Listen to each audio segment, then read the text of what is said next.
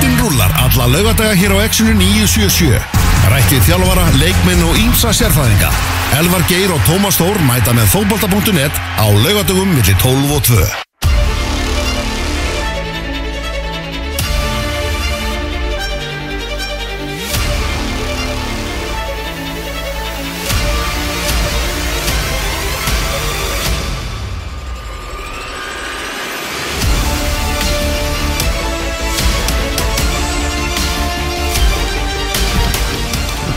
Útastáttunni fótbolti.net 4. júli byrjar á Pepsi Max stefinu sem því það, við ætlum að byrja þáttinn á Pepsi Max deildinni. Hér rétt og eftir þá eh, er það síðan lengju deildar ringborð, eh, Rappi og Úlfur Blandón mæta hérna til okkar, okkar sérfræðingar og ætlum að gera upp síðustu leiki í lengju deildinu og skoða svona hvernig svo deild er að fara af stað, svo ætlum að eh, ræða um mál málana í þessari viku, nýja landsliðsmerkið og nýju landsliðstreyjuna. Heyrum meðal í markaðstjóra KSI um, um viðtökurnar og gaggrínina og, og svona hvernig, hvernig þetta hefur allt saman verið.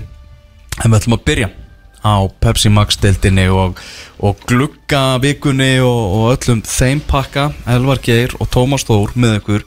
Og Tómas þú skellti þér á Oríkovöllin í gær og sást heldur betur áhugaverðan fótbolltaleg millir Vals og Ía. Já, það er uh, Það vægt að lóra tekið þegar að að þetta hefur verið áhugaverður áhugaverður fótballtalegur Við viljum sjálfsögur byrja á því að uh, óska samlöndu mínu mestanhafs hlæmingi með daginn. Sér eins og Bill Pullman saði í ID4 á sínum tíma Today is our Independence Day. Ah, 4. júli, þjóðtíðat af bandarækina Til hlæmingu mínu menn. Það er uh, vonandi njótiði dagsins. Mm. Herru, þetta var nú þetta, þetta var, góð, þetta var áhugaverður dagur yfir höfuð. Sko, byrja ég mætti klugan 7 minútur yfir 7 Náttúrulega fjósið opnaði hátteginu Já. Mátt láta okkur á því sko. Það var þetta að vera þarna sósaður sko í snitseli Eða ekki hvað allan daginn. Uh, Umgjör valsmanna til, til hábórinar Fyrirmyndar í ger Hábórinar uh, Það var, það var púpi plasti Það var púpi gleri Tveir matabílar Gott veður Klöptu upp að spila. Uh, Þeir myndu degja fyrir stelpunum sínar. Bara stemning sko. Þannig að veist, það var Það var algjör negla Bara svona fyrir partíð hjá, hjá valsmennum sko. Já, fyrir utan hjá 11 mönnum. Já, fyrir partíið var gott sko. Og það hjælt svona svolítið inn í, inn í leikin þegar hérna því að uh, valsmenn spiluðu svona hvað var að segja í, í takt við uh, fyrir partíið framan af. Ok. Þeir voru framan af, þú veist, í, jú, jú, svo sem, svo sem framan af. Svona fyrstu þrjár minnar hefði getað skorað tvö mörg og þú veist, þeir voru bara flottir. Þú veist, þeir voru bara, hérna, láta boltan rúlla í vörninni, síðan kom bara, hérna, einhverja ding-dongur, bara diagonalt hæri vinstri og voru að skapa sér færi. Og ég hugsaði bara, wow Heri, þetta verður bara, þetta verður fyrirparti, parti og það verður eftirparti í fjósinni í kvöld, sko. Þetta fer svona 5-0 þú veist, þeir voru það flottir til að byrja með, sko. Í þrjár mínútur? Nei, nei, miklu lengur en það, sko. Já, ok. Sko staðan átti að vera 2-0 árunum var 1-0 eða þess að 2-0 árunum var 0-1 og að vera, átti að vera 4-1 árunum var 0-2 sko Svo flotti voru valsmennir Þetta, hljómar eins og skrítan er Mjög skritin fótballtalíkur Í hálftíma voru valsmenn betri voru samt 2-0 undir.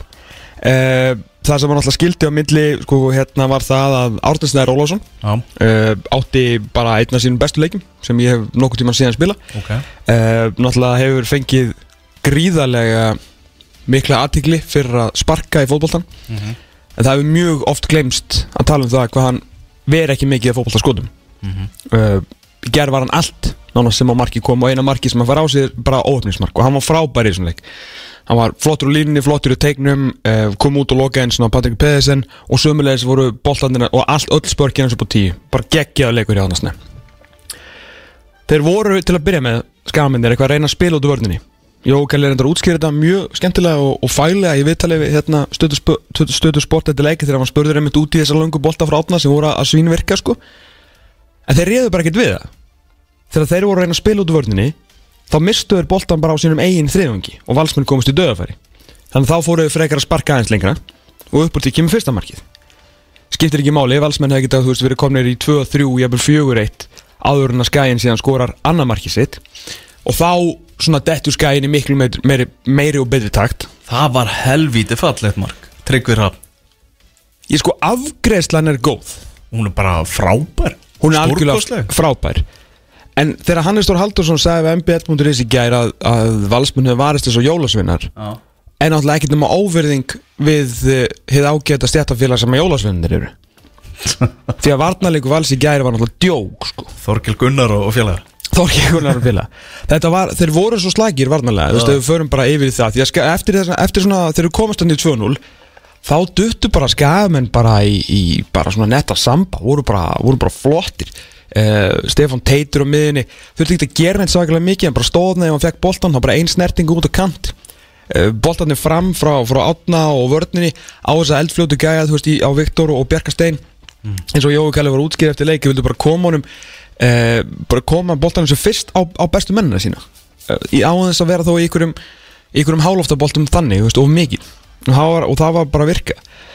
En fjórir öftustu hjá Val í ger Já. Uh, Birkir Már Sæfarsson, landstisbakurinn gæði sem stoppaði Angel Di Maria og hefur stoppað alla sem að hafa hans vegi hans komið. Spilaði sem versta fótboltaleik sem ég hef síðan spilað. Orri Sigur Ómarsson það náttúrulega að sko endur greiða launu sín fyrir að spila leik á hann svo liðlugur hann náttúrulega tók ekki þátt í hann á hann svo liðlugur sko. Rasmus Kristensen spilaði versta leik sem ég hef síðan hann spilað bara ég veit ekki hvað lengi, hann var ömurlegur. Og Magnús Egilson var heldur ekki góður. Og þetta annar mark sem þú varst að tala um hjá Tryggvar Rafni Já. Þvílíkt sko kollab af ömurlegum varnarleik. Byrjar náttúrulega á því að Magnús Egilson ætlar að sóla Viktor Jónsson. Og hvíta perlar og fórsvöðinu sagði bara nei takk, tók bara á hann um boltan síðan bara svona lappaðir að vörninni. Og þú veist þetta var, sko fyrst hérna stendur Rasmus í hæluna, gerir ekki neitt orrið er ekki tindur, Haukupól kemur allt og send, ég veit ekki hvar Seba var. Endanum fær tryggver af boltan þá kemur Birgir Má Sæfansson sko. Hann er kortir í hundrað landsleiki og bara einhvern veginn rennir sér á raskættu fyrir fram að tryggva hrapp sem er einn hæfileikar ekki gæni dildinni hann sólar hann bara með einhverju mjög einföldu múvi og þá er eftir landsleismarkurinn sem var ekki skot held í þessum leik sko og rennir hann fram hjá hann Úff. Þetta var, þau voru svo slækir var, í, í vorninni, þessir, þessir leikmenn sko það var, var raun og veru bara ekkit eðlilegt sko.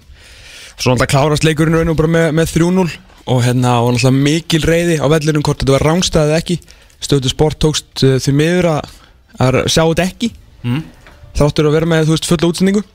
Bara myndölunar óuppeilega staðsettar fyrir þetta og hérna bara það mun aldrei fást úr því skorið hvort þetta var rángstæðið ekki. Hvað fannst þér á Rétt staður ég sagði um leið og boltinn kom. Ok. Að því að ég hérna ég sá sem sagt uh, ég sá Viktor í hlaupinu og Magnús Egilson hvergi næri og ég hugsaði bara hvernig allan ekki fara að koma heldur þess boltan á Viktor, hvernig kemur boltin svo sé ég að hann er að fara að munda þetta og þá náttúrulega fylgist ég með ránstöðinni og Orri Sigur Rómarsson var uh, spilaðan held ég restaðan, það er mitt mat sko. Já, já. Og ég var í fullkomni línu við þetta. Og fyrsta sem ég sagði, ég kallaði um leið réttur.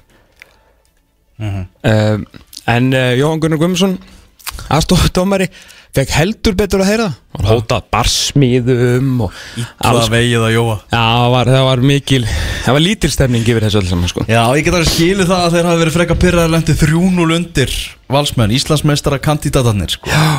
Og voru bara, þú veist, framáði voru alveg að spila fínan bolta En bara, þú veist, Palli Pedersen var ekki on Og, þú veist, aðrir voru ekkit að, að skila neinu, sko. Og en líka, þú veist, eftir ég komast Ég veit að alltaf auðveldur að spila fótbolta í 2-0 yfir og allt það. En eftir það voru bara skamenni góðir, sko.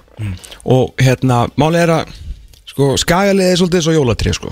Veist, það er svona styrkur en ekkit svona tröstur þannig, en ekkit rosalega spennandi botna á þessu sko, þú geymir líka bara svona ljótu kúlurna þar sko, bara svona eitthvað sem að þú er búin að eiga lengi. Mm -hmm. að því ég meina þú veist ekkit eitthvað svona, er, það er ekki besti besta aspektið af íaliðinu þar. Svo fer alltaf svona aðeins framar skilur, þú komin í Stefan Tate, Steinar Þorstein Sindra skilur en síðan þú komin upp á topp þar sem þú geymir englana og stjörnuna sko. Bjarki, Viktor og Tryggvi Hrafn. Og þetta var það sem Jókæli var að tala um í, í viðtælinu eftir leik að vildi koma boltanum sem fyrst á þú og þeir náttúrulega voru skildir eftir með svo svakalega mikið pláss því að valsmenn voru að reyna að pressa svo mikið og ætlaði að skora svo mikið að mörgum nefnum þeir skoruðu náttúrulega bara eitt á endanum. Að Viktor og Bjarki og, Tryggvi og mér þess að sko Steinar fengu bara ágætis pláss til að aðdamna sig og við það réð bara valsvörnin ekki neitt sko. Og þessi pæling með, hérna, með Viktor Jóns og það kanti. Þrjá stóðsendingar og marki ger Já, maðurleiksins, auðvelt val. Auðvelt val þar. Sko ég skil þetta eins betur núna. Ég skil 100% hvað, hérna, hvað menn höfðu að setja út á þetta. Að hann er náttúrulega bara nýja og hefur alltaf verið nýja Svo er ég að lesa morgunblæði morgun og svona oft sem að kannski næri ekki að alveg að pæla og þá móli frá víði. Þetta, hann var að skora í gæri tíunda markið sitt í efstild Nóta benni hann spilaði fyrst 2011 17 ára gammal og hann er komið tíu mörk þau eru ekki fleiri og fjögur aðeim voru þegar hann var 17 ára með vikingi árið 2011 Nýkomin í tveggjastafatölu nýkomin í tveggjastæðatölu hann er, þú veist, hann er bona fide markaskorari í næstefsdeld hann á tvö, þú veist, around 20 tímabil í næstefsdeld en hann hefur ekkert skorað að viti í efsdeld þrátt fyrir að hafa Marti Bunns að bera. Að hafa hann út í hæra megin þú veist, þú farið fullt frá hann því hann er, hann er góður í fótbolta. Hann er miklu betri að verjast og fara í návíi og að vinna bolta og betri pressu heldur en til dæmis Tryggvi Rapp sem er alltaf miklu meiri luxusleikmaður sko. Tryggvi vil bara svolítið svona þú veist, standalast og vera í skilju flottum skóm og vera bara, hann er bara sexy player sko. Já, bara tók ballettspor í markinu sínu Já, sko. þú veist, það er bara eina leginn til að lýsa þessu þetta Já. var bara, þetta var bara svona moment of magic sko. þú veist, þú getur ekki svona gert þetta í FIFA sem að Tryggvi gerði en þú hefur Viktor í staðin og Bjarkastæðinu hliðin á honum báðir sem eru miklu, þú veist, duglegri og, og betri í þessu og tekur líka kannski örleitla pressu af Viktor Jónssoni að vera, þú veist, upp á topp og vera alltaf með apan á bakinu að þú veist, þú verður að skora, þú verður að skora. Að því á endanum þá fær Viktor líka tækifæri að því að þú veist, þeir er alltaf inn í teig og hann er búin að fara illa með nokkra sjensa á þessu tímbili nú þegar. Þú veist, hann gætir um að skora fleiri mörkan Viktor. En það er engin núna einhvern veginn svona að hann er ekkert að skora, veist, aðal frammeri hérna, í er ekkert að skora. Þetta er nú hann bara svona kantmaður sko. Ég held að það hef ekkert endilega verið pælingin hjá Jóa En ég held að það hendi Viktor ágætlega. Já. Þú veist, hann gerir við með Hann vinnur boltan í, í, hérna, í öðru markinu og kemur og Hann á þrjá stóðsendingar Þú veist, hann skora marki í þessu leik Sem hann gerir eftir langa sendingu Það sem hann getur líka nýtt krafta sína Sem, hérna, sem stór og stæðilegur og flottur skrokkur til að vinna að það er náttúrulega tekur hann setni bolta Og hamrar hann með, með vinstri fætunum í neti Þannig að þetta, þú veist, þeir voru bara, þeir voru bara ansi, ansi flottur í gerð sko. Þeir áttu að vera búin að fá þessi nokkuð mörg eftir hálftíma. Valsmyndi nýtt ekki færin, var refsað fyrir það og skagamöndir unnið þetta bara þetta bara sannkjönd sko. Valsmenn búin með tvo heimalegi, búin að tapa þeim báðum Er bara grílan frá síðasta tímabili Er hún endur staðar að, að einhverju leti? Ég held að þeir eru bara búin að vinna háka og gróttu sko. Já, Það er einu fótballtilegin sem þeir eru búin að vinna og þetta var, þetta var rosalega mikið svona 2019 bræður yfir þessu það var einhvern veginn, var einhvern veginn ekkert sem að gekk upp þannig sko. uh, ég veit, þú veist Kæli og var að einhvern veginn að rekja veist, fyrir utan, sko, ég verði náttúrulega að endur taka enn og aftur hvað þeir fengu mikið að færum til að skora sko. Þannig að þeir voru alveg mjög flottir í hálftíma og, þessi leikur hefði getað þróast öðruvísi. Allt Þetta- öruvísi, Já. allt öruvísi en það breytir ekki máli að það er svona einhvern veginn það var, gekk einhvern veginn ekkit, ekkit upp hjá þeim og, og ég bara farin að hafa gríðarlega svona bera mikið vanturist til leikmassi sem ég á komið með mikið dálæt af. Ok, sem að spila hérna eitt fyrir fram á vörnuna því að búið íta hauki Páli framar Sebastian Hellund sko. Já. Hann er svona getur lendali getur lendi í helvitis brasi sko. Ok. Þannig að ég veit ekki alveg hvort að hann sé maðurinn til að, til að verja þessa vörn en, en það er alveg ljóst ef að ef að Eidur Aron Sigurbjörnsson ef að hann getur staðið í báðafætur Já. þá byrjar hann næsta leik. Heimir segir, ég reikna með því að hann verið klár í næsta eða þar næsta leik. Þeir bara þurfa að setja Eðarón inn Bara einn allra besti miðvöru deildarinnar. Það er þannig. En gleymu því ekki hann var það ekkert í fyrra sko. Nei. Þannig að hann þarf að channel eitthvað þú veist 2018 dæmi ef hann ætlar að koma inn og, og fara að lóka þessu sko. Ég hef engar áhyggjur af því. Þú veist, Eiður er bara þannig karakter held ég núna búin að lendi öllu þessu mótlæti kom í viðtali til fyrsta leik og sagði bara Ég ætla ekki að fela það, ég er drullu fúll yfir stöðunni. Mm. Ég held að hann verði bara verði eldur yfir honum sko Þegar hann mætir aftur. Já, þeir hefðu klálega vilja hafa hann í gær þú veist fyrir þessa veist á hérna Rasmus Orra sko. Og ég meina þú veist ég, vei, ég veit Er, þetta er það orri að fara detta aftur á bekkin? Ég með hvað heimir vill hafa örfættamann inn á þá finnst mér hann líklegri. Og þú veist þeir eiga alveg báður skilja þetta úr liðinu fyrir hann leik. Mér finnst orra ekkert eitthvað endilega slakari þannig. En með við það að Rasmus hefur hann að vinstrifót sem að, sem að heimir vill nota þá finnst mér mjög líklegra að orra dett út úr þessu liði sko. En við vorum alltaf átt okkur af því sko þetta er náttúrulega yfir dramatisjón sko á einum fótballtaleik Þú veist, þetta er bara skýsla fór einum fótballtaleik Ég er ekkert að segja að þeir séu allir eitthvað ömulegir fótballtamenn Nei, Þeir bara spiluðu hörmulega í gær þessir öftustu menn sko. Ég er raunum bara öftustu sex. Ég meina Hannes var ekki skot Vartalín gæti ekki neitt og Sebastian Hellum gæti ekki neitt sko. Já, Þú varst bara að dæma þennan innan leik Já, já. Heyrðu, lítum á, á gluggan Gluggadagsfréttirnar og byrjum þar á, á reysafréttum Gauji Lýðis, mættur aftur í, í stjörnuna. Þetta er svona, hann er einhver ringferð Menn er alltaf tilbúin að taka aftur á móti Gauja Lýðis með, með Það sjálfsögðu, hann er einna besta leikmannum í þessu deild hann er með, hann er með veist, top 3 fót og hann er bara einn af bestu leikmönnum í þessari deil, það er ekkert flókið. Þannig að ef hann passar í systemið þitt og þú þarft ekki á því að halda að hérna, hann sé að gera eitthvað hluti sem að henda honum ekki eins og kannski breiðablík systemið núna en breiðablík systemið núna, þetta stjórn Óskarsapps er náttúrulega algjörlega uník í íslenskum fótbolta. En en í heldina á litið sko, þá hefur Guðjón Pétur Lýðsson bara gert ljómandi fína hluti á sínu felli En hvað finnst þér um það að breyðablík sé að láta hann fara? Gæti þetta ekki, bara verið axaskaft? eða? Nei, ég, nei, nei, ég meina, meina Óskar Hafn vildi bara ekki hafa hann vill ekki, vill ekki hafa hann í Af hverju vill hann ekki hafa? hann? Er það vegna þess að hann er ekki í leikil hlutverki hjá honum og hann er hrættu við það að hann verður bara pyrraður? 100% Já. Sjálfsög, við þekkjum alveg Guðjón Já. Lýðsson Hann hefur alveg sagt það sjálfur Hann Það vil spila fótbolta Eitt af skemmtilega við GPL er að hann bara segir það sem honum finnst sko. Veist, þetta er, það er engin feluleikir og það er náttúrulega líka það sem að gera hann vantanlega frekar óþólandi innan liðs sem hann er ekki að spila. Hann situr ekkert bara á höndum sér og, og þegir sko. Þú veist, hann bara hann segir það sem honum finnst en, hann segir, veist, en það er líka gott þegar hann verður með hann veist, í formi. Að, hérna, og að spila hvernig hann náttúrulega að- hefur, maður hefur talað við leikminni kringum hann sem eru, hérna, kallan kallan, hérna, leittóa í, í klefa og allt það þannig að, hérna, en hann bara fittar ekkit inn í það sem að, sem að Óskar Hafn er að gera og gleymi því ekki að Mér finnst það bara, samt þegar hann hefur spilað Það er mínútur sem hann hefur spilað fyrir breyðablík Þá finnst mér hann að fitta bara vel Bara gera ger drullu flotta hluti. Já, ég er alveg sammálaður að því að þeir vilja spila sóknar þengjandi bolta þar sem að menn komast í færi til að skora og er í íta liðum aftar og komast í skotstöður. Halló, Guðjón Pétur Lýðsson en aftur á móti er alltaf spilaði mikla pressu og þarf mikla hlaupagetu og hann er kannski ekki mest í hlaupagikkurinn sko. hann nýtist náttúrulega, myndi nýtast breyðabliki frá, ég, ég myndi segja að breyðabliki með við það að hafa hann sem varamann. Ef þú myndi, myndi segja bara við Guðjón Pétur bara, herru, hérna, þú myndi starta hérna 11 leiki og koma 11 sinni inn á sem varamaður. Þú veist, ef það væri þetta að búa til eitthvað þannig scenario. Og ég mun fá 11 sinni mun ég fá hálftíma, bara dundur hálftíma frá þér. Það gerir breyðabli strax líklega til að vinna Íslandsmettardillin en Guðjón Pétur er ekki í þeim bransa sko.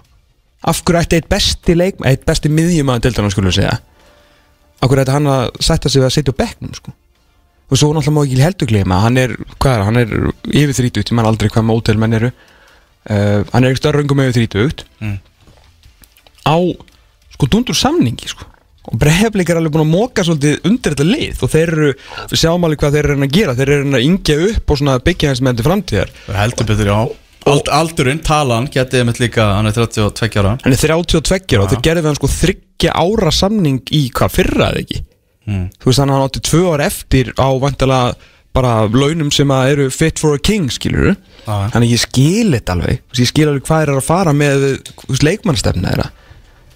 Mhm. og þú veist við bara maður bara ekki, þú veist, og sko vildi bara ekki hafa hann sko Snúum hann að peningnum við. Stjarnan náttúrulega í, í sótkví Voru að klára þetta bara í, í sótkvinni Ná, geggja fyrir Guðjón Byttur að mæta beint í sótkví Já, hversu öflugt fyrir stjörnuna að fá hann? Við erum bara að kalla eftir því svo lengi að stjarnan mæti með nýja söguhetju inn í liðið sitt. Og fengu alvöru sögu heiti sko. Já. fengu bara einna rittun um ringborsins Það er þannig. Og svo ef að, hvað er uppnað að vera að kalla eftir líka? Að koma einhver inn sem að, sem að hristir upp í hlutunum.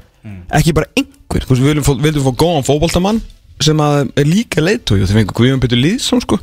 Og náttúrulega líka beint í, þú veist, Óla Jót við vildur menn fljótur að gleyma þegar það hendar sko, það er líka geggja ég elska það, það er allt og allt í óli einhvern veginn þangað til að menn þurfa að fara að spila fótbolt aftur og þá er allir bestu vinnir það sem ég spyr mér núna er, þá er Hilmar Átni bara fráttur á kantinn. Það er líklegt menn Guðjón Pétur Lýðsson fyrir ekki um kantinn. Við veitum að Hilmar Átni getur spilað. Það skiptir náttúrulega endur um engu máli hvar Hilmar Átni spilar. Hann skilar alltaf sínu. Hann skilur alltaf sínu. Og ef þú getur haft þá tvo inn á fótboltavellurum á sama tíma það er ansi gott ef það er að fara að fungera. Og bara Guðjón Pétur til að dreifa hérna og setja boltan á menn og síðan með Hilmar Átni til að koma inn og tsekka og skura en hér er stóra spurningin. Í fyrsta leik eftir eitthvað. Guðjón Pétur tekur hann niður. Alisur Hauksson fær hann setur hann í hlaupið fyrir Hilmar Átna sem er body checkaður mm. þremur metrum fyrir utan teig vinstra með við débúan Mm. hver tekur aukarspinnuna? Sko, Gauði Lýðs er alltaf frekari karakter heldur en Hilmaróni Rétt Alveg bara miklu Ef að Guðjón Pétur hleypur á staðinn og tekur upp boltan Mm. er Breiðholtsmersi að fara að segja eitthvað Það er mjög góð spurning Þetta er eitthvað sem að þjálfara dúettinn Ha. hjá stjórnunni þarf að ákveða áður en að vera farið inn á völlin sko. Þetta verður skemmtir að sá, skilju, þú veist, Þetta verður Þú geggjað veist, maður er oft séð ma- fjölmarga leiki þar sem að náttúrulega bara eru tveir eða fleiri geggjaði spinnnumenn inn á vellinum í sama liðinu þá er þetta bara þannig, ok, þessi tekur þetta núna og ef að það, þetta fyrir bara yfir þá er hinn að fara að taka næst. Veist, það verður svona skipt þannig. Já, ég meina, þú veist, að auðvitað á Hilmar á að taka svona tvær Ef hann klúrar einhvern veginn þannig, veist, ef hann er ekki nálat markinu þá held ég að, Guðin Pétur er að fara næsta, sko. Með að hann ætla nýbúin að skora, sko, úr Þetta En er ég er mjög spenntur, ef ég væri stjórnum að væri ég mjög spenntur fyrir, sko. En Það er kannski að því að ég er, er gríðarlegu GPL fan, sko. Mm stjórnumenn uh, mæta aftur hvað 12. júli þá mæta þær aftur eftir, eftir sótkvinna er að segja út á fótbolltaföllinu að spila leik sko. Hvað verður þá margir dagar frá því að þeir máttu fara út úr húsi? ég veit ekki, rúma tvær vikur eitthvað. Já. maður ekki. Frábært. Já, þetta er hérna þetta er svo, svo svona skekkir þetta svo myndina þeir eru að klára þessa leiki bara hér og þar að maður sér ekki á stöðutöflunni alveg hvernig staðan er nákvæmlega sko. Nei, nei, nei, nei. Að eiga alltaf leik að, við, að sé alltaf þessi stjarn að það trublar Herru fleiri skipti. Uh, Arnarsveit, hann yfirgaf líka breyðablик Óskar Hrafna Ingja í, í hópnum Já, bara bingolottu og lokadagur fyrir hann. Að losna við þessa tvo leikmenn sem að voru bara ekkert í, í myndinni hjá honum og bregðarblík sem leðis vantilega kemur þeim af af launaskrá og, og hérna og þeir eru bara með þá vantilega hópin sem að Óskar Rapp vildi hafa sko. Já. Ég held ekki að þetta sakna Gauja Lýs breyðablik Ég er bara algjörlega á því sko. Arnar Sveit var náttúrulega bara í einhverju Hann var ekkert að fara að spila, ég held að það var alveg klárt Mál. Spilaði hennar byggarleik hérna á móti Keflavík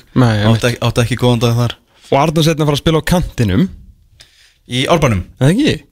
Jú, Það var alltaf að þú veist talaði um það og hann talaði um það sjálfur að hann hefði verið þarna. Ok. Það kemur inn, inn í deildina sem hérna náttúrulega sem bara sóknamaður sko. -hmm. náttúrulega markið hans þarna var náttúrulega á móti káur þegar hann kemur hæra menn í tegin og setur hann í sko skeiti nær á káravillinum í leiknum þar sem þeir lærið mest. Arnarsveit gæti leist bara allar stöður vallarins. Já.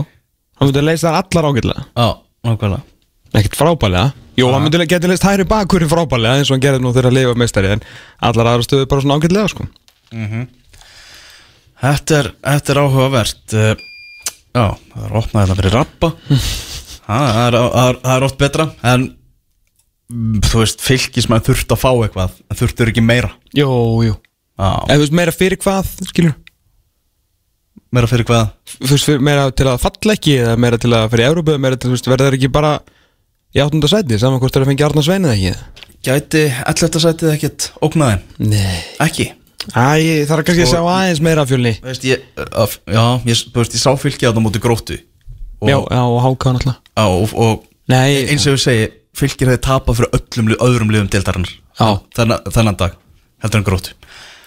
Það er- Já, Helgi Val náttúrulega mittur og Já, akkurat. Men, þú veist, ég, er ekki, ég, ég er ekki að spá fylgi falli en Nei, nei, nei, til nei. þess að vera aðeins svona örugari með, með sitt ról sko. Já, einmitt.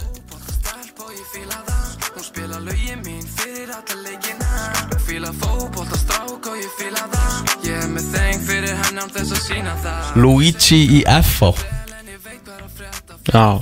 Logi Tómasson í FH búin að yfirgefa vikina Heldur betur maður. Maður ásins 2019 Það er rétt. Á, maður ásins á okkur. Það eru 2019 Maður sem kom svo og sá í byggarústalegnum uh, Við erum að byrja að rosa, rosa Luigi fyrir það að draga Joe Frazier aftur á lappinnar Einn var meðnasti listamæðurinn í bransanum í dag. Uh, Læði samstarf en alltaf algjör negla og sjálfsögur kemur Joe Frazier með því líkar línu sko. 2000 likes sem hún tekur eftir mínu.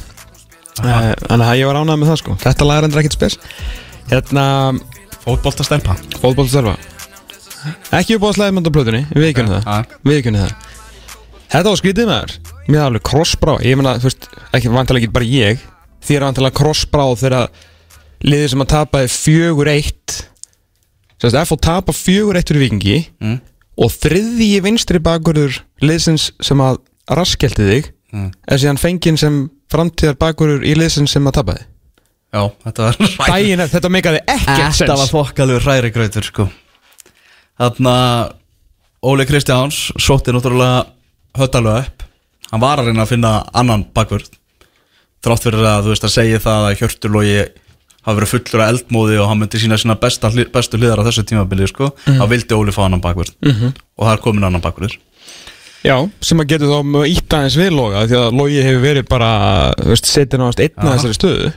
Í TV fyrir Loga. ekki, Hjörtur logi Já. sem er alltaf bara að kalla logi Nú þurfum við að fara að kalla hann Hjörtloga Já, Hjörtloga Já, bara til þess að, kom ekki ruglingur sko. Já, það er kannski uh, ískaldasta teikið í bransanum að Hjörtur Lógi Valgarsson hefur verið ekki svipur hjá sjón síðan hann kom til Íslands til að segja það í 500. sinn þannig að, en hann hefur samt sem áður hefur bara lappað inn í þess að vinstri bökur stuðu svo má hann ekki gleyma því að hér nýja já, svona hér nýja ráð hjá FH er alltaf að reyna yngjöf þetta á lið. Þú veist, það hefur reyna að finna unga leikminn við erum búin að fá núna Daniel Haftinsson, Hötti Löppi komin heim uh, og núna Lóa Tómasson. Þú veist, þau voru að leita að ungu vinstri bakverði og það er náttúrulega ekkit uh, sko vinstri bakverðarstaðan er kannski ekki svo dýpsta hér á landi og sérstaklega þegar kemur að ungum mönnum. Þannig að þeir að reyna að ég reyna að fá eitthvað meira út úr, úr Lóa Tómassoni sem á þá vantilega bara taka við þessari stöðu af, af Hirtilóa Bara ekkert plás fyrir Loga í vikinni Ég meina Arnar Gullarsson bara ekki hrifin Þú veist, þetta er náttúrulega mjög skrítið fyrir fótballtalið sem er búið að vera að reyna að nota uh, unga leikmenn og sérstaklega, þú veist, ef það hægt er uppalda.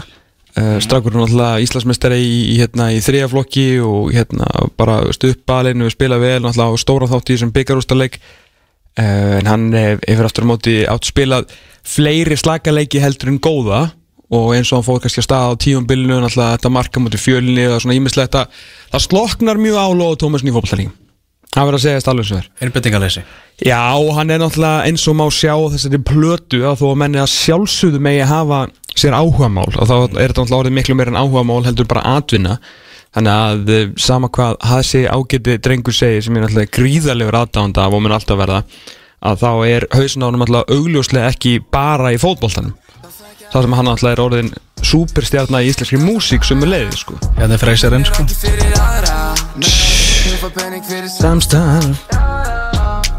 Já, hún er allir tala um Þetta er rosalegt sko. En hvað er að Logi gera fyrir Logi Tómasson gerir fyrir FH? Ég bara, ég veit það ekki. Ég, hérna, ég er ekkert að sjá að mæta bara eitthvað í fyrsta leik þegar að fæ tækifæri og, og vera ykkur allt annar og nýr leikmaður. Þú veist, þetta er alveg verkefni fyrir Ólaf Kristjánsson. Þú veist, þeir vita alveg hvað er að fá og, hérna, og ég veit það að, að þeim var tjáð það er mitt svona helstu gallar Lóa Tómassonar af hérna af mönnum sem spjöllu við. Þannig að þeir vita alveg nákvæmlega hvað er að fá. Þeir vita náttúrulega bæði það góð og það slæma sko. en nú bara undir óla komið og lauga á og ástæðu þeim að að uh, virkja hann til betri verka og gera bara framtíða bakur FH því að verið er náttúrulega svakalega saga ef að einhvern myndu hyrða hérna þú veist, 2000 mótil af vingunum sem að er hann að þykja að spila á ungum mönnum og hvað þá uppöldum og gera hann að úr sínum bakur eða meðan að framtíða bakur þú veist, vikings er annarkvort Dóri Snorrason sem mun alltaf að spila það hann að vera 70 Já. eða gæði frá Húsæk sko. Það skiptir einhver máli þú veist, ef Alli Barkásson er- verður flottu vinstri bakur yfir viking þá er það bara gott mál sko. endan ég hef aldrei er uppeldisrung hefur oft út úr sko, verið alveg út úr korti hjá mörgum félagum sko. en, en þetta er mjög eftir að speð sko. Ég ætla alveg að standa við það. Heyrðu, Ívar Örn í HK mm -hmm. Valsmenn búin að vera reyn og reyn og reyna að ídólum í burtu. -hmm. og núna fór hann aftur í, í Kópáin Já, bara, bara múfina mega mikið sens Algjörlega. Hann var bara, bara- fyrir alla aðila. Fyrir Ívar, fyrir Val, fyrir HK Já, ekki spurning, ég meina frá því að hann skrifa undir Val var hann ekki nógu góður til að spila fyrir Val. Þannig að, að ég meina, hvað ætlaði hann að gera hann? Hann var eftir Bjarni Óla Eiríksinni, sko. Besta vinstri bakur í Íslandi Hann var aldrei að fara að gera neitt, sko. Ég, Kannski var hann í einhverju vonum að veist, hann tók bara, hvað, tók í tvö tímbil á bekknum? 18 og 19, eða? Já. Já.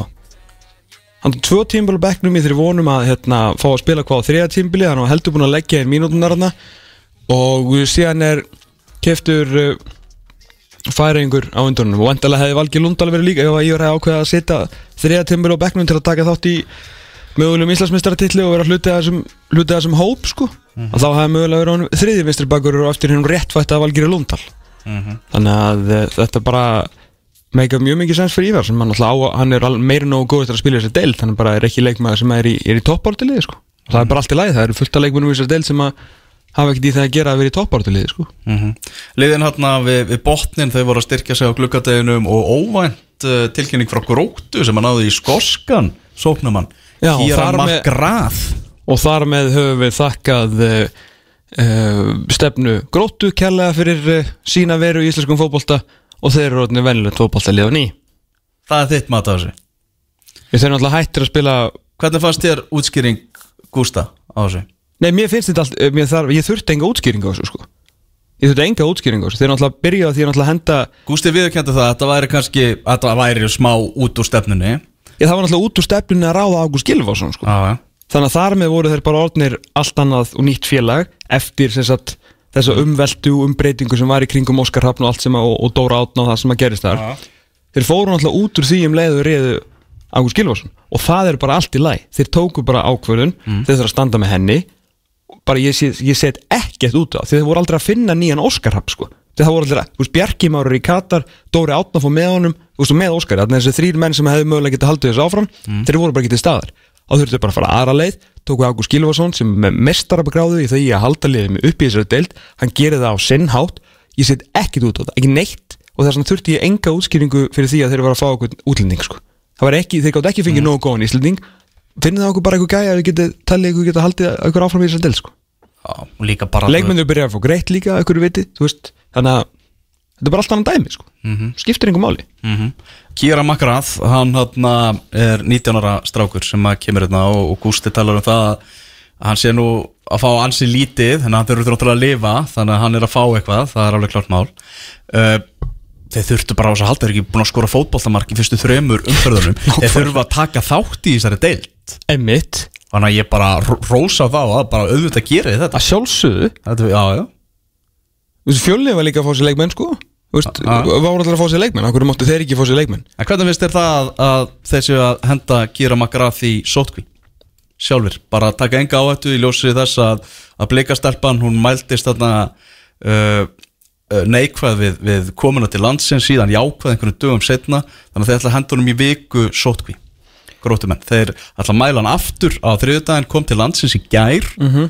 og ætla að hérna, uh, að vera eitt þjálfari sem fer svona í sótkví með honum.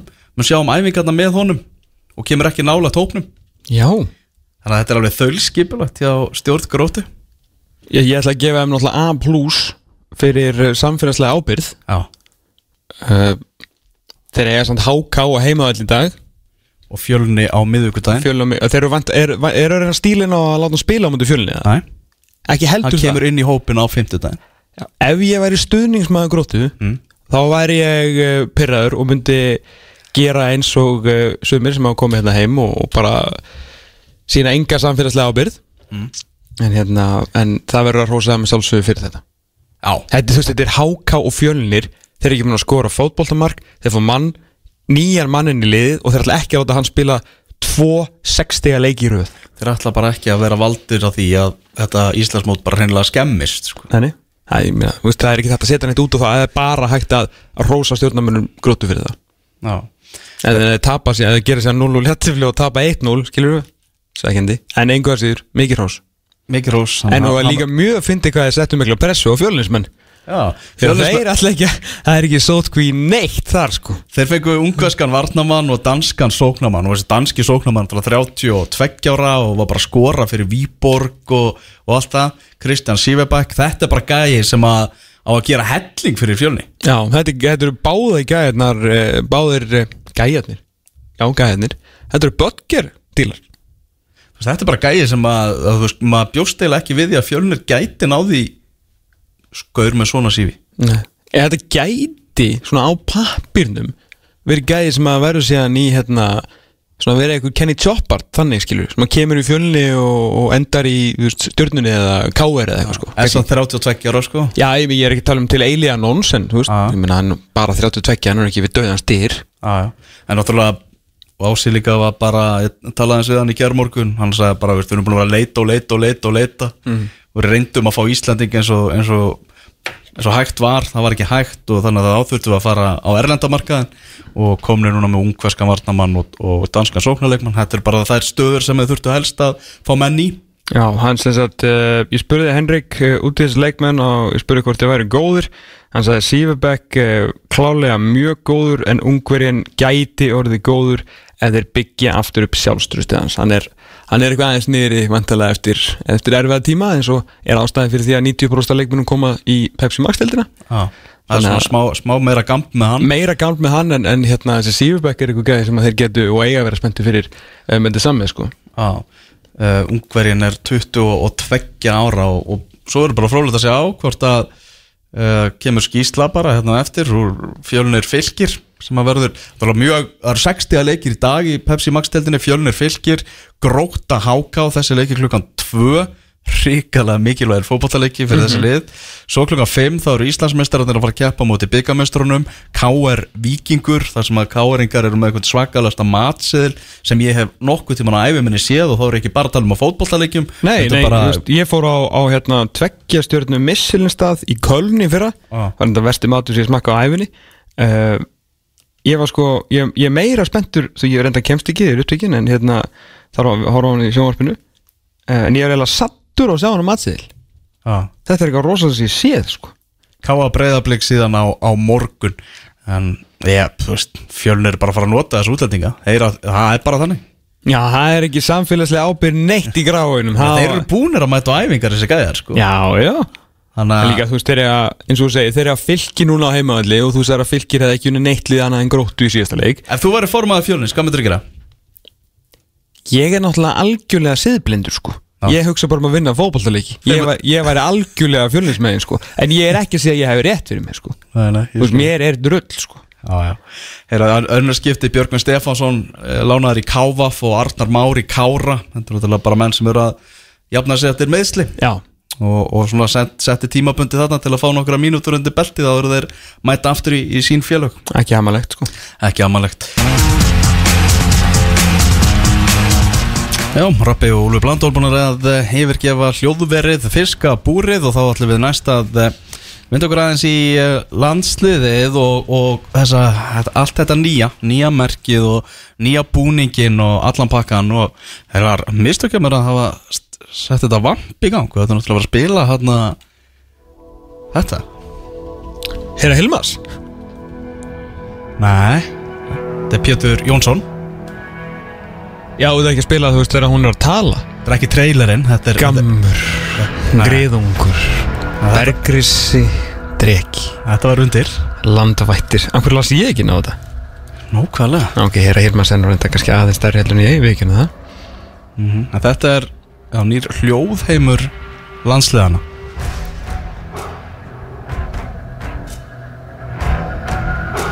Þannig að við munum nota þetta bara Þegar við erum í þessu dætti að tala um íslenska landslið Já. Það verður þetta bakgrunnstónlistin En það er ekki þetta því. Nei. Þetta er heldur cool. Þetta er nefnilega mjög töff sko.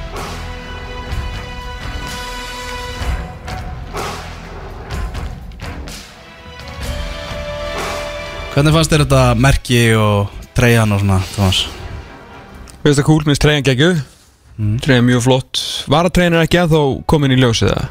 Nei, hann sagði hann segir að hún segi alveg bilað flott Já, sagan segir það einmitt að hún sé algjörlega út úr korti flott sko Og með að hvernig þessi bláa treyja er og flippar þessi breyfir í hvít Alveg svo hvíta treyjan var basically flottari í Í, í treyjunu sem er núna er hvíta treyja miklu flottari. Þannig að hérna ja, ma- Margar manna mati. Þannig að næsta treyja á að vera mjög, mjög flott hvít sko. Hérna, mér var þetta allt saman bara mjög vel hefnað. Ég hérna Það hefur ekki allt verið kannski upp á 10,5 varandi þessi mál uh, í, í langan tíma hjá knarspöndin uh, svo kom þessi leki og náttúrulega kynningin á þessu KSI sagt KSI logoinu. uh, það fór náttúrulega, mistu það líka mistu þann bolta, mistu þann glerbolta í jörðina og hann splundraðist í, í höndunum þeim sko, þegar allir held að það hafi verið nýja logo landsliðna, þannig að þeir voru rosalega mikið í vörn í langan tíma en svo loksins 1. júli náðu þeir að snúa þessu öllu við sér í hag og allir nefna leiðilustu menn á landinu eru sammála um það að þetta hafi verið algjör negla það kom náttúrulega svona fyrst var svona actually áhuga fólk, fólk um fótbolta og stuðnins með landsliðs og eitthvað sem voru að segja sína skoðun í byrjun Mm. Það var allt bara jákvæmt Allt Já. mjög jákvæmt Já. Svo einhvern veginn svona byrjaði einhvern klukkustundu setna að áfár svona fólki sem að fólkinu sem finnst gaman að, að finna að lesa eitthvað annað út úr því heldur en heldur en það er að finna það út að fólki á KSI væri jafnvel bara rasistar á fasistar Já, Já, ég sko, ég verði eiginlega, ég þarf eiginlega að rósa bara þessum mönnum og konum, ég sá eiginlega alveg bara menn verið að tjá sig um þetta. Uh, fyrir bara Hugmynda. gríðarlega sköpunargleði í leiðin. Já. Þú veist, þá er, ég hef bara aldrei séð menn tegja sig jafn langt og djúft til þess að vera leiðilegir. Og ég eiginlega bara, þú veist, langar bara að standa upp og klappa fyrir þessu leiðin, þú veist, þú var svo góð leiðindi sko, Mhm. þú veist, þú var svo merkilega góð leiðindi. En það besta við að þetta stungu ekki neitt að þetta var svo heimskulegt sko og hefur ekki áhrif á það sem actually hafa áhuga á þessu sko. En mér finnst þetta mjög cool, ég hérna, ég hef Þú, þú veist, fólk má alveg segja það að þeim finnist þetta merki ekki merkilegt. Og, og þú veist að búningurinn sé ekki eins flottur og fólk er að tala um og sé rútu eins og rútusæti eða eitthvað sko, þú veist, það er bara skoðun. Mhm. En að þegar við verið að finna eitthvað svona sko Já, ég er náttúrulega sko, ég er mikill landvættamæður Já, Ég hef alltaf verið mikill landvættamæður já, uh, auðvitað. Við notum landvættin allt og lítið. Eina skipti sem þú heyri landvættina eða þegar það er spurt lón eða landvættir, ég getur betur. Annars erum við ekkert að nota landvættina nóg mikið.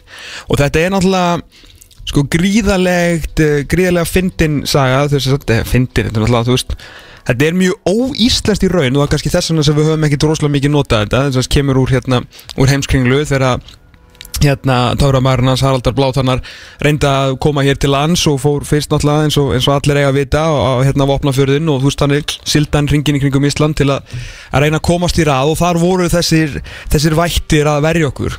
Og konseptið er bara gott. Landvættinir eru töff. Númer 1, 2 og 3 Eru þeir ógeðslega töff? Já. uh, Ég er náttúrulega, ég er bergrísi Alltaf verið mikill bergrísi maður. Já, að hérna, ég er náttúrulega semi-flugrættur, þannig ég vil ekki vera gammur og þú veist, ég er ekki mikill, ekki mikill nöyt heldur sko, og alls ekki dregi þannig ég er mikill, ég er mikill bergrisamaður sko. Mm Þeir eru alltaf að skipta upp á fjall? Upp á eitthvað gott fjall? Stefán Gunnarsson, markastjóri KSI er í fjallgöngu. Vonandi rokið ekki of mikið. Hvað, hva, upp á hvaða fjall ertu, Stefán? Er, ég er nú ekki nefndi krefjandi göngu, ég fór með fjölskyldana bara í Reykjadalinn sko. já, já, þú gast logið einhverju bara Já, ég geta sagt, ég var upp á vatnajökli. upp á jökli Í góðu símasambandi. Gunnarsson Já. Heyrðu, þarna þessi, þessi kynning hvernig er svona þeir fara að bjöggust alveg við því þeir þekkið alveg íslenskt samfélag það er alltaf einhver gaggrinni fólk hefur gaman að því, fullt af fólki sem hefur bara áhuga á því að reyna að finna eitthvað og snúa út úr og finna eitthvað, finna eitthvað neikvætt þannig að ég ætla ekki að þeir, þeir fóruð ekkert í fósturstellingun að gráta þegar Ítlu var að skrifa pisla á svona? Nei, nei, uh, við höfum mjög breytt bak í knaspinu samband Íslands og hérna, við vorum bara fyrst og fremst hérna ógeðslega mjög ánað með allar þessar frábæra viðtökur bæði á netinu og sérstaklega ellendis á. Það mátti ekki gleyma því að- myndbandi er mikið stílað á hérna alþjóðlega mark og við erum alþjóðlega vörumerki og, sjáum það á stórmótum þannig að við þurftum náttúrulega að setja eins í stílinn og fara í drega og Game of Thrones krydd og vikinga krydd og svo náttúrulega tókst einhverju blaðamennum að finna einhverja neikvæðni og það er bara svo það er. Það, er, það verður aldrei 100% ánægi ef að við varum með logo sem að allir Íslandika væri ánægi með þá veit ég ekki hvernig það lítið út. Voru einhverjir, þú veist, óanæður þú veist, með þetta allt saman eða? Þú veist, funduð þið fyrir það það, við, við sáum bara einhverja fréttir þarna eins og þegar við heitust, þú verður að vitni á þann já, einstakka fólk sem var að, að svona krítisera þetta, það er bara svo það er. Við erum ekkert eigða tími það, velta því fyrir okkur. Við erum rosalega ánægð með þetta mm -hmm. viðtökur sem við fengið við erum að fá beinir frá eh, flottum hönnunar tímaritum um, um viðtöl og fleira. E, UEFA er búið að byggja um sérstaka hérna kynningu á þessu þannig að þetta verði bestinn praktis fyrir brand fyrir hérna alþjóðasambund þannig að við getum ekki kvarta Nei, og náttúrulega kannski eins og varst að, varst að koma inn á það náttúrulega ég, maður náttúrulega talaði hölda fólki eftir að þetta kom út og náttúrulega mörgum íslendingur sem að finnst uh, já, ok, veist, notum orðið bara mörgum uh, sem að finnst náttúrulega myndbandið rosalega svona klent og kjánulegt sko en það er náttúrulega, það eru fleiri útlendingar til heldur en íslendingar ef að á að fara að selja eitthvað þessum treyjum, þannig að það verður svona kannski að stíla þetta þanga meira Já, já, ekki bara treyjur við náttúrulega Nei, og bara mörgsið. Já, já, mörgsið og ég meina við það er engin, engin uh, hérna, náttúrulega að hafa það í huga þegar við erum að vinna mörgsið þetta er það búið að taka tvö ár þá erum við að horfa það eins og árunni 2018 komum hérna fleiri miljónir ferðamanna bara í gegnum keppmöguflöð, stopp í tvo tíma og fara vestur eða austur um haf. Uh, Ísland þekkt fyrir fótbolta og þeir gátt ekkit keift af vörun sem tengdist liðinu. Það er náttúrulega stór markaði sem við horfum á og þegar landið opnar aftur þá viljum við að útlendingar stoppi í lundabúðunum og velja eitthvað með okkar kresti. Ekki til flottari súvenir, hvað sem það er. Eh, þannig að þess vegna vildum við líka hafa merkið svona mjög aðgreitt, þetta ætti að vera mjög öðruvísi en önnu fótboltamerki, ég held að okkur tekist það mjög vel, það hefur verið mjög auðvelt að fara í merki eins og, eins og finnar, svíjar og norðmennir með sem eru öll eins, það er bara fánin og svo einhver smá svona skjöldur. En sko, en talandi um það, þú veist, þú búið að taka tvö ár og allt það, ég meina, eru það ekki trættum að, að hérna, þið og við, eða þið aðalega, uh, hafi mistað lestinni? Jú, ég meina þegar ég kem inn hann á 2018 bara í raun og veru rétt fyrir HM þá, þá eru menn búin að tala um það lengi að það þurfi að, sko, í fyrsta skref var bara að fá nýtt logo fyrir knæspinsamandi það var bara vont í praktís og orðið 20 ára gamalt og batsist tíma Mhm. e, svo var alveg ljóst að, ég meina þá var bú, þegar búið að prenta búninga fyrir HM þannig að við gáttum ekki farið að gera þetta fyrir HM Nei. og þá jáfnframt ákvaðum við bara að gefa okkur tíma því að þú veist, þetta er, þetta er vandarsamt verk að finna nýtt merki fyrir íslensku landslinn í fótbolta Mhm. það hafa allir skoðun á þessu þannig að við vildum bara vinna þessa vinnu rosalega vel og, og vanda til verka og svo þegar 2019 þegar við erum komnir áleiðis með vinnuna þá sjáum við það að við erum að fara í annan búnaðingaframlegenda og þá ákvaðum við náttúrulega að sitja í nokkra mánuði viðbót á logoinu til að það myndi synga við nýjan búningapartið þannig að þetta er svona, það er alls konar púst sem þurft að falla saman þarna. Nú, hérna, nú er ég spænskur túristi sem að á einhverjum fyrirlum ástæðum er alltaf að tala í síman svona haldan fyrir framann andlita á mér í staðin fyrir að tala bara í hann uh, Ég er einhvers staðar neyri bæ Hvar hérna, þú veist, hvar rekst ég á þetta?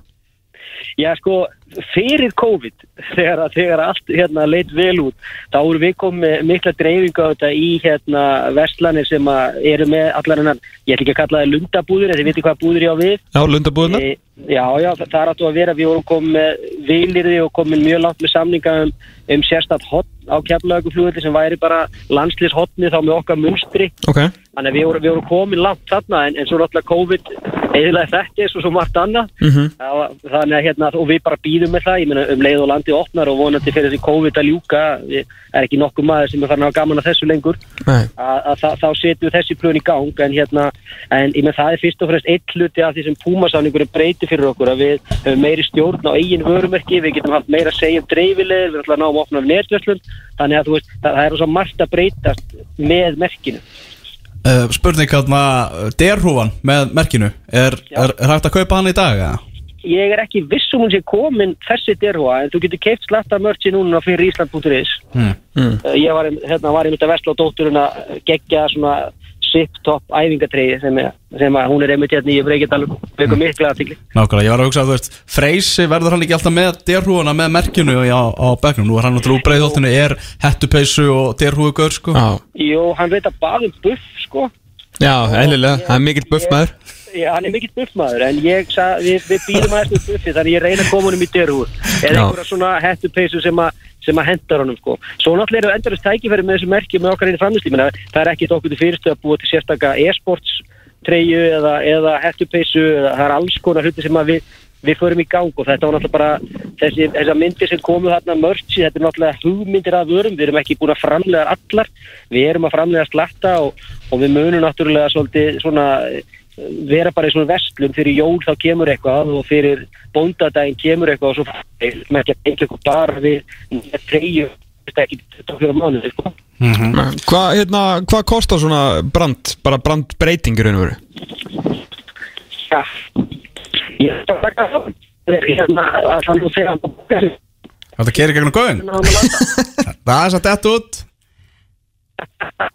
Um leiðið við spurðum peningin Ekki næst í númerið sem Nó, það er bara það Það eru göngu upp á hana í Reykjadalum Já, það, það er greinlegt sko.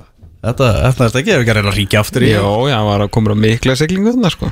Í leið sko. Já, ég er enda að skilja ekki okkur ekki búið að senda okkur svona derhú sko. Já, ekki það, það var eitt af það sem kom mest á óvart fannst mér. Það var að hérna, sjá allt, veist, þetta cool merch sko. Það er að kaupa basically allt ein, Alveg eins og þetta á að vera sko. Þannig að þetta fyrir lundabúðuna þá ættir hann að fara, fara að rjúka út sko. Já, nákvæmlega. Reynum að ná aftur hérna sambandi við Stefán. Það ringir allavega núna Já, blæsaður Læsaður Eru þú að uh, slitnað akkur að þú ætlar að nefna töluna? Hvað, hvað, hvað Heyrðu hann ekki, ég segi hana bara einu sinni sko. Nei, nei, við hérna sjálfsögur leipur svona branding minna á miljónum Það Já. sem að má ekki gleyma er að, að hérna uh, sko lang, lang stærsti kostnæður um hlutina sem vinna sem við bara erum búin að vinna sístu tvö ár innan hús uh, Við byrjum 2018 að fá vinnu, vinnufundi með ráðgjöf frá UEFA sem að býði frá það aðstóð uh, þar mótu við eigum að fara í eitt merki að tvö það var hellingsvinna á ákvörun Mhm, það, það hefði verið kost, ein ákvörun bara að gera nýtt Já, við vildum gera tvö, við sáum tæki verið því að vera með krest og, og eins og búið að kynna þú veist, knaspinu sambandi er svolítið önnur og öðru í þessi skilabóð já, já. Og, og svo náttúrulega, þú veist, þurft að hanna þetta og hérna, og til að fá góða hönnun þá þarf þetta að borga ágætlega. Það best, besta er yfirleitt mjög mjög dýrt, við fórum alltaf í pitch með þrjá stofur. Það tók nokkra mánuð að velja úr því hvað væri best Já, hva- hvaða stofur voru, var það gefið upp eða? já, já, við, ég, ég get alveg gefið þau við hérna, vorum alltaf pipar. Þannig að þeir hérna, pitchuði þetta íslenska auðvíkastofan og svo Brandenburg. Svo Brandenburg, já. Og Brandenburg eh, gerði þetta allt saman ekki? Jó, svo, svo í raun og veru fannst okkur þeirra útvæðsla svona næst því sem við vorum að hugsa. En, en sko við, við sáum yfir hundra tillögur og, og hérna hann sagði mér það eitt frangatistjóri auðlýsingastofana við hefum sett auðlýsingamarkaðin á hliðina því að það vildu allir hanna merki sem fær á treyjuna sko. Þannig að menn overinvestuðu við sletti svolítið mikið í það vinnu. Já, en það er ekki það kannski eitthvað sem mun lifa hans lengi, sko. Ég ætla að vona að lifa okkur. Já, hvað hérna uh, talandi um, já, hérna f- peningurinn tilbaka, þú veist, er, er þetta þú veist, er þessi, er þetta branding er þetta hluta því að reyna að fá, þú veist, fullt af peningurinn tilbaka eða var þetta svona meira bara til að búa til nýja heildarímynd og svo gerist það sem gerist þetta var fyrst og fremst að búa til nýja heldar ímynd sem í kjölfarið á að skapa okkur miklu betri tekjumöguleika. Við hérna eh, stóra verkefni hjá mér og, og, og eitt af því sem COVID stoppaði líka er að reyna að fá fleiri erlend vörumerki til að partnera með okkur. Eh, við erum alltaf mjög stóri eins og í bandaríkjónum og, og í Asíu líka þannig að það er tækifæri þar sem að vonandi koma með svona betri og flottari myndheim mhm, og svo náttúrulega engi líi að, að Puma og fleiri aðilar sem fengi að sjá þetta þegar við vorum að vinna þessu voru mjög hrifnir. Og eins og þessi hérna, hortfána pæling og svona þetta storytelling eða þessi sögusköpun sem við getum farið í mhm. hún, hún gerði það verkum að, að við fengum já, búningasamning sem er ég ætla að nota orðið umtalsveit stærri eins og síðasti. Já, ok. Hvað hérna, svona, hvaða landvættur er þú? Ég sko, þú talar um nöyt á þann ég er meiri griðungur, mér finnst þetta svo fallegt orð. Já, fyrir ekki, fyrir ekki, ég er bara datt þetta svo er allt í lægi sko. Greiðungur, já, þú ert greiðungur, viltu meina Ég hugsa það, ég er svona, ég er ekkert mikið, að- að- ég, ég er ekki loftrættu kannski, en ég er kannski meiri griðingur, bara fastur fyrir, sko. Já, þingdapunktir lág já, já, það myndi einhver segja það. Þegar ég var í fótbolta, þá var ég svona akkirið á miðjunni, sko. Já, já, já, einmitt. En skemmtilegt að hérna, þið náðu, lásuðu það í erlendum miðlum að Hannes var í leikstjóri eða? Já, ég sá það, ég var líka búin að frétta það að heimir var í tannlæknir. Já, ok. Það er fullt af fréttu sem að fylgja Já, það er alveg ríkala gaman Nei, þessi ég meina, ég meina Hannes, Hannes er fyrst og fremst bara geggjaði fagmaður sem leikstur. Það er alveg hárið, við erum nýbúin að sjá Já, hérna marathónauðlýsinguna, trillt, sko. Já, ég meina, hann er bara algjör fagmaður þarna, þannig að þú veist, og það var mjög auðvitað ákvörðu, svo hugsuðum við bara upp á, eins og ég segi, storytelling alþjóðlega, það var bara geggja að geta bætt í við sem auka ætemi á þennan lista, skilur, það, það var hérna tiltölulega mikill no-brainer að fá hann í þetta. Já, verður megastór á lögðarsvelli Eh, sko, á fullkonu nýjum lögatisvelli verður geggjað megastór. Já, þess að aldrei en verður á þessum. Nei, við erum alltaf, við erum búin að fara auðvitað, við ætlum að við, við munum setja í gang sem sagt sölu á vellinum, eh, í báðum stúkum, eh, svona pop-up búð, ok það sem við munum selja að sjálfsögðu stuðnismanna varning, það verður náttúrulega ekki, ekki kannski hundrað hérna, eh, einingar til sölu, við verðum kannski með þennan stuðnismanna varning eins og trefla og, og derhúfur og, og hitt og þetta, ég er svona berjast við í knaspituna aðdáðandan í sjálfum er hvort ég vilji selja half and half trefla, ég far alltaf óskaplið töðanar að mér en, en sumi safnaði já, reyndar, reyndar. Það er enda rétt. Eitt að lokum Stefán, þessi skipti að það er náttúrulega kveðja mína menn í RA Ég er búin að heimsækja það þarna nokkru sinnum og, og allt það og þeir eru náttúrulega farnir í, í, í business við, með miklu, miklu starra merki miklu starri strákum í Puma. Þeir ljó- hljóta að finna fyrir því svona strax að þetta er, þetta er starra apparat heldur en, heldur en þið voruð í Já, ég meina, þú veist, við, við áttum frábært samstarf á RI og það sem að gera það að verkum að fara úr RI að það sem við erum svona stór fiskur, eina landsliði,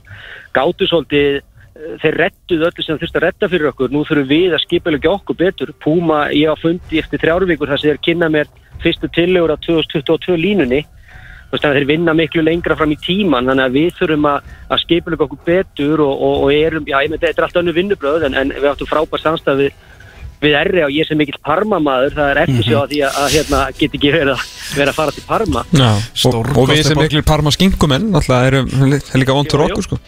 En síðan að það er náttúrulega komið ný hlaupabraut hérna á lögadagsvöllin öllum til mik Helmingur, mikillag helmingur. helmingur, öllum mikillag gleði. Að þá er þetta að vera með svona svona happening á næsta landsleik og fá til dæmis bara Usain Bolt til að spretta okkar bestu menn, hann alltaf andlit púma hann er allir Puma og hann er hérna e, veist, það, það er þessi tækifæri sem ápast fyrir okkur hann og fleiri svona vörumerkja fulltrúar sem við getum nýtti í sprell og Puma er náttúrulega miklu meiri hérna streetwear merki þú veist, miklu meira tískumerki í fótboltabúningum og myndatakan sem við fórum í til dæmis sérstaklega til Vestmanneja með módelum þannig að við vildum sína búningin í öðru umhverju en bara á knaspinu fólki. Emitt að hún á svona eftir að koma meira um mér í ljós að þið nefndu að veitreyjuna áðan hún var sérstaklega tekin þar í geggjuð umhverfi í Vestmanniðum og það er alveg geggjaða myndir fyrst mér, hlakka mikið til að sjá þær. Hvenær fá að sjá þær? þetta kemur í loka águst, Puma lonsar öllum að veitreyjum hérna sinna landsliða á sumum dagsningu í loka águst Já, ok, við bara förum að hlaka til. En þið þurfum ekkert að vera í henni þegar við spilum við England þá verður þið bara í blá. Já, sjálfsögðu, já, sjálfsögðu. Við bara býðum eftir að fá að senda nokkra treyjur og hatta okkur. Annars bara takk kjærlega fyrir spjallu, Stefán. Herru, takk fyrir takk fyrir góðan þá. Ef minnst að heyris með bara Bye bye Bye. Já, Stefán Gunnarsson, uh, markastjóri uh, KSI, svo bara vonandi að, að við höldum áfram að, gera frábæra hluti innan vallar. Náttúrulega kynnslóðaskipti, rosalega kynnslóðaskipti framöndan hjá, hjá þessu lið okkar sko. Já, það var eins frábært og þetta allt sem hann er sem búið að vera að gera svona síðustu daga eða sérst náttúrulega síðustu ár hjá KSI og við náttúrulega erum búin að fá að hérna, sjá uppskjörna síðustu þrjá daga. Þá náttúrulega að hafa ekki ráðist í þetta allt saman 2016 skilur til að vera með eitthvað svona branding farandi inn á HM það er náttúrulega er klúður sko. Já, og, En- og KSI viðurkennir það í dag að það sé Já. algjört klúður. Það er algjört klúður til miður. En að því sögðu þá náttúrulega erum við eh, erum við svona náttúrulega ákveðni sveitamenni sem við náttúrulega höfum aldrei gert þetta áður sko. En eftir þú veist að hafa ekki verið búin að fóra storm út og fá allars aðtegli þá hefði náttúrulega einhver átt að svona eru jæja ef við ekki að fara að henda hérna einhverjum mm, hérna fyndnum lundum og eitthvað. Ég glemt að spura það er ekkert lökkudýr? En þá komið? Nei, Þannig að draumurinn lifir um Lalla Lunda ekki? Draumurinn lifir um Lalla Lunda sko. Þurfum að heyri Stefánu með hann hérna, hringt í hann aftur, ég spurði hann hérna út í Lalla Lunda. Þriðja sinn, Já, þriðja þriðja bara ringjum bara alltaf í Stefán. Já, Já, þetta er Þetta er stu, ég heyrði sko að þarna Þú veist, þú var að tala um hversu miklu stærra batteri Puma er sko. Mhm. Ungir íslenskir knassbytumenn sem eru líklega kannski til að spila fyrir íslenska landsliði í, í framtíðinni Mm. á næsta árum.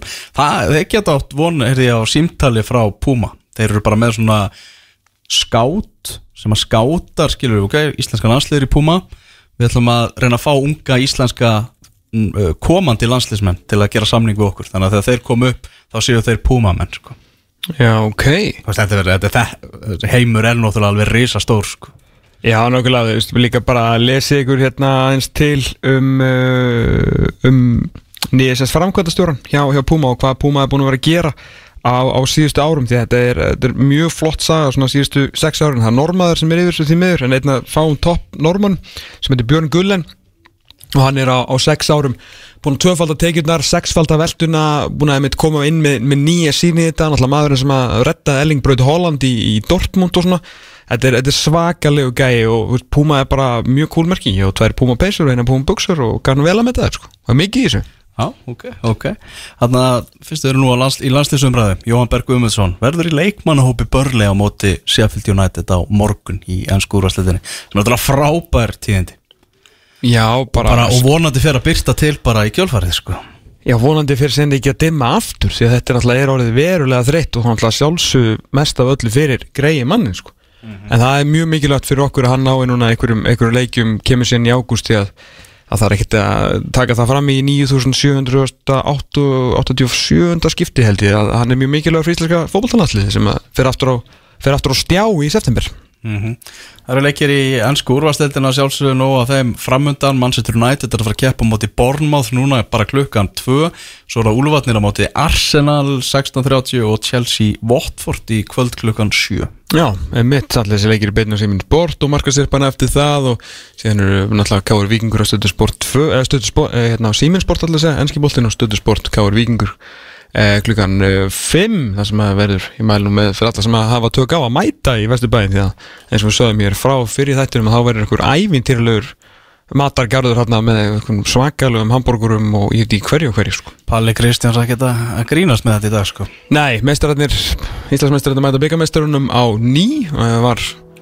svolítið harður leikur síðastar liði mættust í, í leiknum með meistara meistarana það verður frólægt að sjá hvernig þetta verður Er þetta heimurinn okkar?